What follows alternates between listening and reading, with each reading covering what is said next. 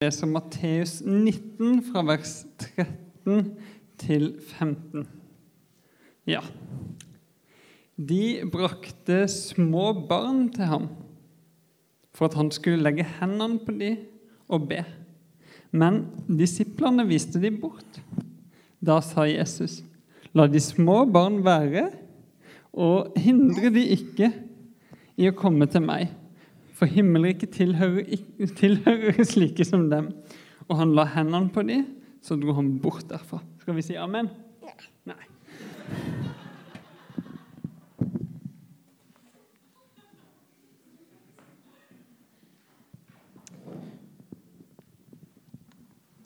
Ja, jeg syns det var en tematisk passende introduksjon.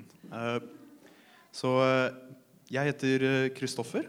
Jeg har vært i en del av Bjølsen eh, siden 2019. Eh, Og egentlig vanligvis så pleier jeg å eh, sitte på andre siden av salen bak teknikken. Men eh, i dag så prøver vi oss på noe nytt. Eh, Jeg, vi, akkurat nå er vi en del av en taleserie eh, som tar for seg å leve bærekraftige liv. Eh, forrige uke så hadde vi en veldig flott eh, Vi hadde veldig flott undervisning om bærekraftige rytmer og viktigheten av å kunne ta litt stilletid. Eh, og i dag så tenker jeg at jeg kommer til å ta for meg litt av det å ha en bærekraftig tro. Så da, hva vil, det, hva vil det si å leve et bærekraftig tro, kan man da tenke. Og så er det, det er litt forskjellige folk som har litt forskjellige tanker om det. Eh, Jeg har hørt folk snakke om at eh, det viktigste og det de holder på, det er, det er deres barnetro. At eh, det er det som gjelder, og det er det som holder for meg. Og jeg har også hørt folk snakke sterkt imot det. Si at nei, troen, troen skal vokse akkurat slik kroppen gjør. Og uten å avsløre for mye om konklusjonen min, så, så tror jeg at det, det ligger noe veldig viktig i begge to her. Vi leste gjennom eh, noen bibelvers nå nettopp om eh, det Jesus forteller om barn. For i Bibelen så løftes det frem eh, dette idealet om barn. Eh, Hindre dem ikke i å komme til meg. Himmelriket tilhører slike som dem. Dette sier Jesus om barn. Eh, dette er liksom en konkret befaling som han sier til disiplene sine. Eh, I tillegg til det så er det en vers eh, som er bitte litt før, hvor Jesus sier 'Den som gjør seg liten som dette barnet, han er størst i himmelriket'. Eh, og 'den som tar imot et slikt barn i mitt navn, tar imot meg'. Så har jeg lyst til å gå litt inn på hva er det som er spesielt med å være barn. Fordi i min erfaring, når vi leser disse historiene, eh, når vi fordøyer dem på en måte, så sitter de igjen som ganske, ganske enkle, ganske fine bilder. Det er ganske fint å tenke at Jesus var, en, var en varm mann som var glad i barn. Det er, det, er en, det, er en, det er en fin ting å tenke, og jeg tror det er også sant. Eh, men for meg de bildene blir mest betydningsfulle når de får lov å hoppe ut av rammen sin. Når vi får lov å gå litt i dybden på hva er det Jesus tar opp når han, når han sier dette her? Hva er det han virkelig mener? For jeg tror det ligger mer i bare at barn er, barn er flott. Han, han gir en direkte befaling til disiplene sine. Og han sier til alle sammen at vi skal gjøre oss liten som barn. Så da vil jeg gjerne grave litt i det. Eh, og når vi skal gjøre det, eh, så har jeg kommet frem med eh, noen ting som jeg har hørt sagt både eksplisitt og implisitt. Folk som sier det rett ut, og folk som formidler seg slik de tenker hva Jesus mener her. Jeg har litt lyst til å gå igjennom de forskjellige tingene som blir sagt. Og en av de første tolkningene som jeg hører, som jeg hører veldig ofte, er at vi skal løfte frem barn fordi barn er uskyldige. Barn er søte, små engler som vi skal prøve å etterligne. Um, og det er en veldig fin tanke og det er en veldig fin bilde. Uh, men jeg eh, det, det er et bilde som jeg mener ikke strekker helt til hva Jesus sikter til her. Uh, og Det er et veldig godt eksempel sagt av en veldig viktig mann i vår historie, en kirkefar, som heter Augustin. Han kommer med et veldig flott eksempel på hvordan dette bildet kan ramle litt. Det, det handler egentlig om arvesynd, det han snakker om. Det skal vi ikke gå inn på nå. Men eh, eh historien han tar for seg, er om en mor med to barn. Eh, to spedbarn. Og begge må ammes. Når hun tar opp den ene for å amme dette barnet, så, så blir det andre, det, det andre barnet den, den blir sur, den blir gretten. Kanskje de skriker litt eller gråter litt. Hvis de er nærme nok, så kan de prøve å dra, dra søsknene sine bort. Eh, selv om begge to er fullstendig livsavhengige av å kunne få næring. Så det er en, en slags form for sjalusi som man kan se allerede i spedbarn. Det er ikke en sånn perfekt uskyldighet. Og Augustin sitt eksempel tror jeg også gjelder veldig godt i dag. Det, det, er, eh, det, tar ikke så lang tid før barn lærer seg å lyve, spesielt om ting de egentlig ikke får lov til å gjøre. Jeg vet at jeg er skyldig i det. Og, eh, I hvert fall som barn. Uh, selvfølgelig lyver jeg aldri nå lenger. Så det er, men, men ja Det er liksom ikke alltid at barn er de perfekte englene. noe av det verste mobbingen som skjer, skjer liksom på barneskole.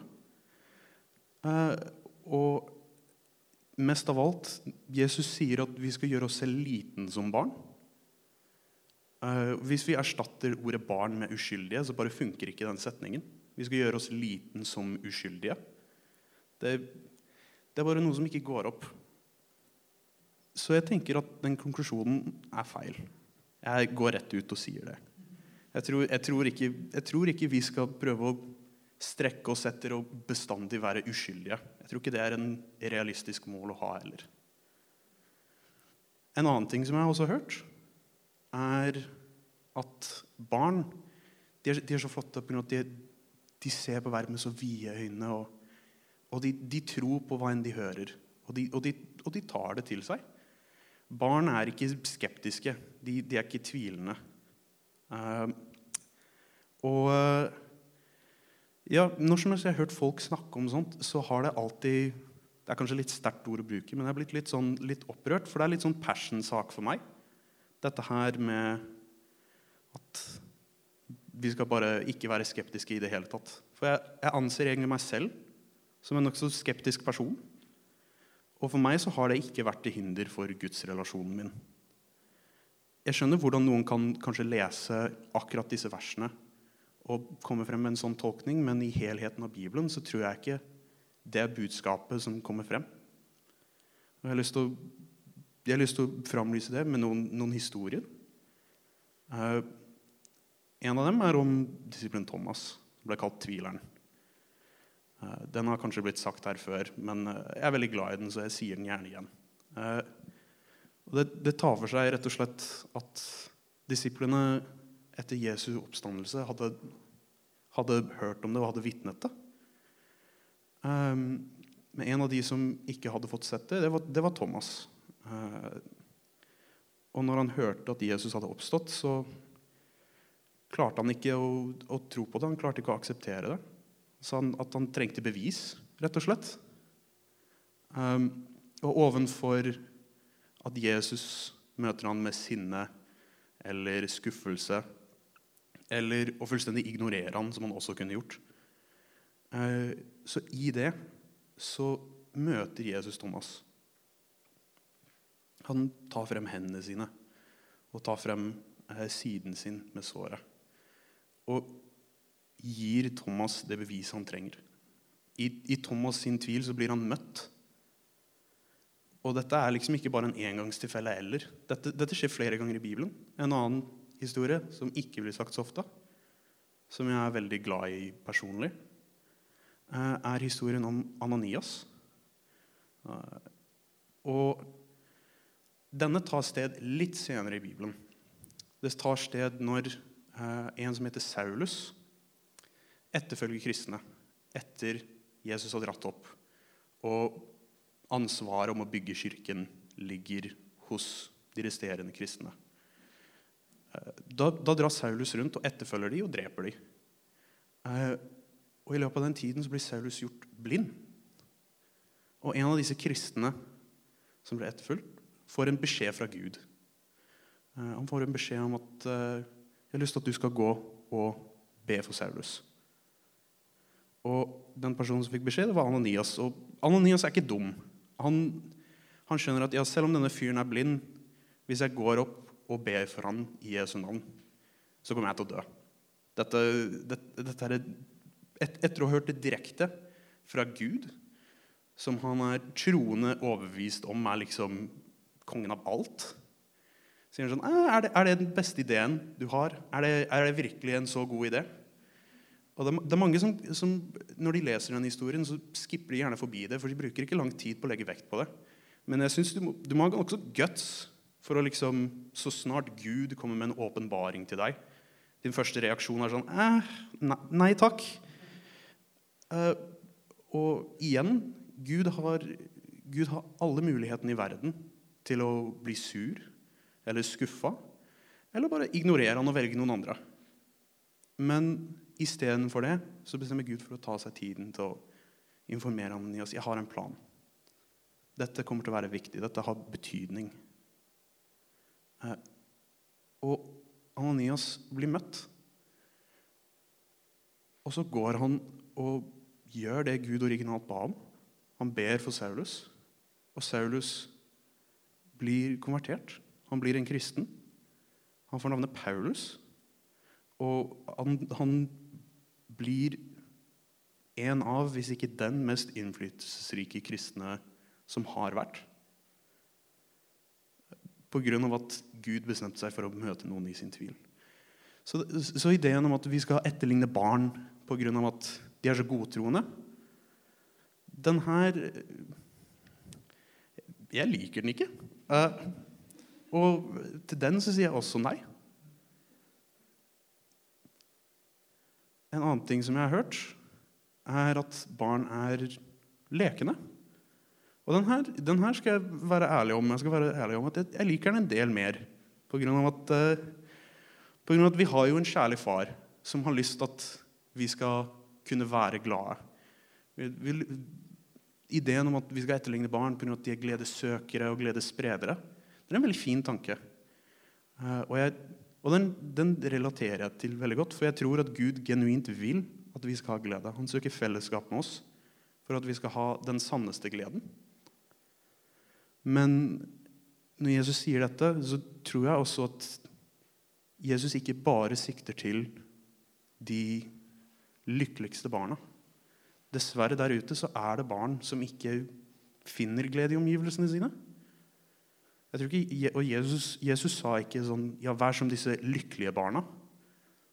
Det, det tror jeg ikke at, jeg, jeg, tror ikke at han ignorerer alle de barna som ikke opplever den samme gleden som Gud vil at vi skal få. Jeg tror ikke han ignorerer de. Det er mye godt her, men jeg er litt skeptisk til at det er det som, det som menes.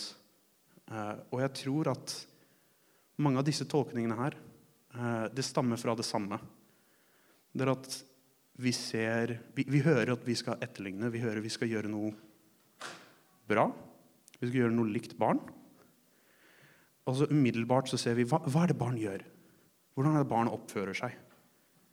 Hva, hva, hva er nøkkelen der? Vi tenker, vi tenker, at det ligger noe i oppførsel eller noe slikt som det.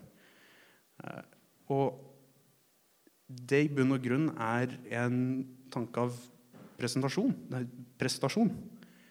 Hvordan, hvordan, skal vi oppføre oss for å være bedre? Jeg tror ikke at nøkkelen her for å ha en bærekraftig tro, nøkkelen for å kunne klare seg i lengden, det handler ikke om at vi skal finne den beste måten å etterligne barn på. Men det, det, men det handler om å skjønne noe implisitt som barn er. Og hva er det alle barn er? De er avhengige. De, er fullstendig, fullstendig avhengige av de større enn seg? Hvis du la oss si, et, et, Hvilken som helst barn som har blitt født, og hvilken som helst barn som kommer til å bli født, klarer seg ikke på egen hånd. Det, det, bare, det bare går ikke. Hvis du forlater et spedbarn ute i skogen, så kommer de ikke til å vokse opp og drive et småbruk. Det, det blir ikke noe sånt. Det barnet vil ikke klare seg, rett og slett, pga. at de er fundamentalt avhengig av forsørgere. Ofte foreldre. Ikke, ikke alltid, men ofte. Og det har ingenting med hvordan de oppfører seg eller noe slik som det. Det er en del av å være barn. Det er en grunnleggende aspekt med å være barn. Å anerkjenne at man er avhengig av noen som er større.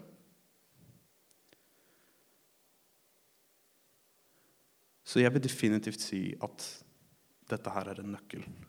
Dette her er essensielt i å måte, ta til seg helheten av dette bildet. Vi er, vi, er, vi er, avhengige av Gud. Vi er avhengige av noe større. Eh, men det er også en felle man kan gå i her, som jeg har lyst til å unngå. Um, og Paulus, som vi, som vi, hørte om i stad, tok opp dette her i, uh, i noen vers. Uh, ja, skal vi se. Uh, så veien fremover vi, vi, ønsker å, vi, ønsker å, unngå eh, akkurat dette her som Paulus tar opp her. Så skal jeg lese den. Eh, For skjønt dere etter tiden burde være lærere, dere trenger å forstå grunnleggende ting i Guds ord. Dere er blitt slike som trenger eh, til melk, ikke fast føde. Eh, for den som enda får melk, er jo ukyndig i rettferdsord. Han er jo et barn. Men fast føde er for de voksne. For dem som ved bruk har øvd sine sanser opp til å skille mellom godt og ondt. Her, her er det viktig at vi anerkjenner vår avhengighet. Men også essensielt at vi ikke bare gir opp alt. Vi skal ikke stoppe i våre spor her. Paulus legger utrolig trykk på at vi er nødt til å, vi er nødt til å, vi er nødt til å prøve å få mat selv. For i dette bildet så er Gud maten. Vi har fortsatt, Uansett om du er barn eller voksen, så er du avhengig av mat. Og her så oppfordrer Paulus oss til å kunne anerkjenne det, søke mat, men også ta til oss fast føde og, og og gi oss selv evnen til å kunne gi de rundt melk, slik at de òg kan vokse opp, slik at de, vi òg kan bli flere. Så da sitter vi opp med litt, litt forskjellig informasjon som, som, vi er nødt til å tydeliggjøre. Hvordan er det vi anerkjenner vår avhengighet til Gud? Hvordan er det vi lever bærekraftig, ikke prestasjonsdrevet? Hvordan er det vi anerkjenner det uten å fraskrive vår viktighet? Vår, vår, evne til å utføre godt? Vår evne til å bli brukt av Gud? Hvordan er det vi oppnår det?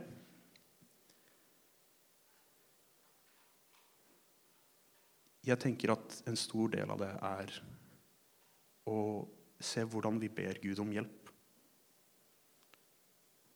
En bærekraftig tro ber Gud om hjelp. Den, den tillater Gud å bære.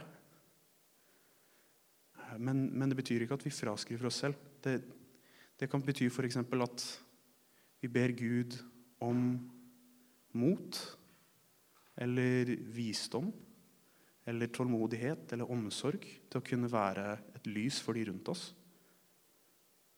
Det er utrolig viktig å kunne anerkjenne at vi trenger Gud. Men det er også viktig å anerkjenne at med Guds hjelp så kan vi oppnå utrolig mye. Hvordan ser det ut å takke Gud? Å takke Gud det, For meg så har det blitt noe veldig frigjørende i det siste. På grunn av at når du takker Gud når noe bra skjer, så, så går det faktisk ikke an å være stolt hvis du takker Gud for det han har ansvar for. Så, så kan du ikke være stor i deg selv.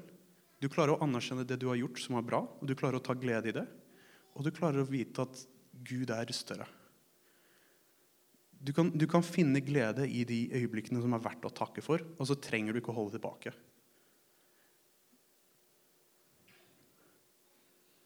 Hvordan ser det ut å søke relasjon med Gud? Å anerkjenne vår avhengighet eh, det, er en, det er en veldig stor del av rett og slett å etablere en relasjon med Gud. Det er utrolig viktig å, å anerkjenne at ja, vi er ikke perfekte, vi strekker ikke til, og du elsker meg for det. Men mye av utviklingen som vi har etter det, er et samarbeid. Der hvor du og Gud jobber sammen for det bedre av fremtiden. For det bedre av omgivelsene dine, for det, for det bedre av ditt, ditt, psykiske helse eller ditt fysiske helse, eller hva enn det måtte være. Du anerkjenner avhengighet, og så etablerer du et samarbeid som er utrolig viktig. Og jeg vil si at uh, en utrolig flott måte å kunne anerkjenne vår avhengighet, men også tillate oss selv å kunne være verktøy som Gud aktivt bruker. Det er å delta i fellesskap. Det er å kunne være der for hverandre. Gi, gi folk ro når de kommer hit, når, når, dere kommer hit, eller når dere hører på. Så er det en slags anerkjennelse i det for alle oss andre. Det er en anerkjennelse for meg å vite at dere kom, og dere, dere hører på meg. Det er en anerkjennelse for, for, teknikerne og musikerne. Dere er her. Det er en anerkjennelse for, for hverandre, at dere er her for hverandre. I, I, dette her så søker vi Gud, og vi vokser i Gud. Det er en, det er en tro som man ikke trenger å bære selv. Det er en tro som blir holdt oppe, som blir båret med deg og for deg. Jeg vil si at uh, en, en, flott måte uh, litt, som, litt, som, tidligere nevnt uh, Å kunne bare anerkjenne og akseptere den viktigheten og din rolle i fellesskapet. Det å kunne, at at vi alle møtes her, og vi, vi deltar alle sammen i lovsangen. Eh, at vi kan alle komme frem og møte og, og tilbe Gud. Eh, og for denne fellesskapen er jeg takknemlig. For i den så, så, så finner jeg Jeg finner ro, og jeg finner at å stå her oppe betyr ikke at jeg står alene.